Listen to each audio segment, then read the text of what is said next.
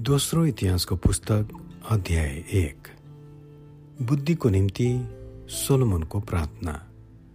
दाउदका छोरा राजा सोलोमनले आफ्नो राज्यमा अधिकार स्थिर गरे। किनभने परमप्रभु तिनका परमेश्वर तिनको साथमा हुनुहुन्थ्यो। उहाँले तिनलाई महान तुल्याउनु भयो तब सोलोमनले सबै इजरायलसित अर्थात् सहर्ष पति र सतपति न्यायकर्ताहरू र इजरायलका सारा अगुवाहरू र परिवारका मुखियाहरूसित बातचित गरे अनि तिनी र सबै समुदाय गिबनमा भएको अग्लो स्थानमा गए किनकि परमेश्वरका दास मोसाले उजाड स्थानमा बनाएको परमेश्वरको भेट हुने पाल त्यही थियो।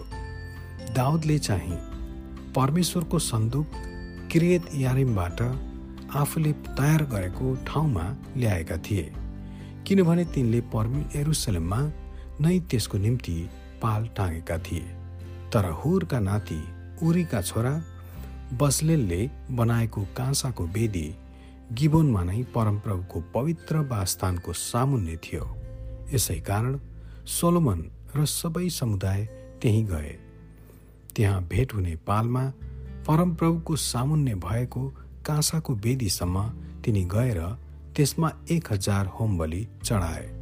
त्यस रात परमेश्वर सोलमन कहाँ देखा पर्नुभयो? र उहाँले तिनलाई भन्नुभयो म तँलाई के दिउँ मलाई भन्। सोलोमनले परमेश्वरलाई जवाफ दिए तपाईँले मेरा पिता दाउदलाई महान र अचुक कृपा देखाउनु भयो र मलाई उहाँको सट्टामा राजा तुल्याउनु भएको छ। अब हे परमप्रभु परमेश्वर तपाईँले मेरा पिता दाउदलाई दिनुभएको तपाईँको वचन पक्का गर्नुहोस्। किनभने पृथ्वीको धुलो जत्तिकै अनगिन्ती प्रजामाथि तपाईँले मलाई राजा तुल्याउनु भएको छ। अब यस प्रजाको अगुवाई गर्न मलाई बुद्धि र ज्ञान दिनुहोस्। किनभने तपाईँको यो ठुलो प्रजालाई शासन गर्न को सक्छ र? परमेश्वरले सोलमनलाई भन्नुभयो तेरो इच्छा यही भएको हुनाले र तैँले धन सम्पत्ति अथवा अधिकार वा मान मर्यादा वा आफ्ना शत्रुहरूको प्राण वा आफ्नो निम्ति दीर्घायु नमागेको तर मैले तँलाई राजा तुल्याएको यस प्रजामाथि शासन गर्ने बुद्धि र ज्ञान तैँले मागेको हुनाले बुद्धि र ज्ञान तँलाई दिइनेछ। अनि म तँलाई यस्तो धन सम्पत्ति अधिकार र मान मर्यादा पनि दिनेछु जो तँभन्दा अघिका कुनै राजाले पाएका थिएनन्। अनि पछिका राजाले पनि पाउने छैनन्। तब सोलोमन गिबोनको अग्लो स्थानबाट भेट हुने पालबाट एरुसलेममा आए र इजरायलमाथि शासन गर्न लागे। सोलोमनले धेरै रथ र घोडाहरू जम्मा गरे। तिनका चौध सय रथ र बाह्र हजार घोडाहरू थिए। कोही तिनले रथ राख्ने सहरहरूमा र कोही चाहिँ आफूसित एरुसलेममा राखे।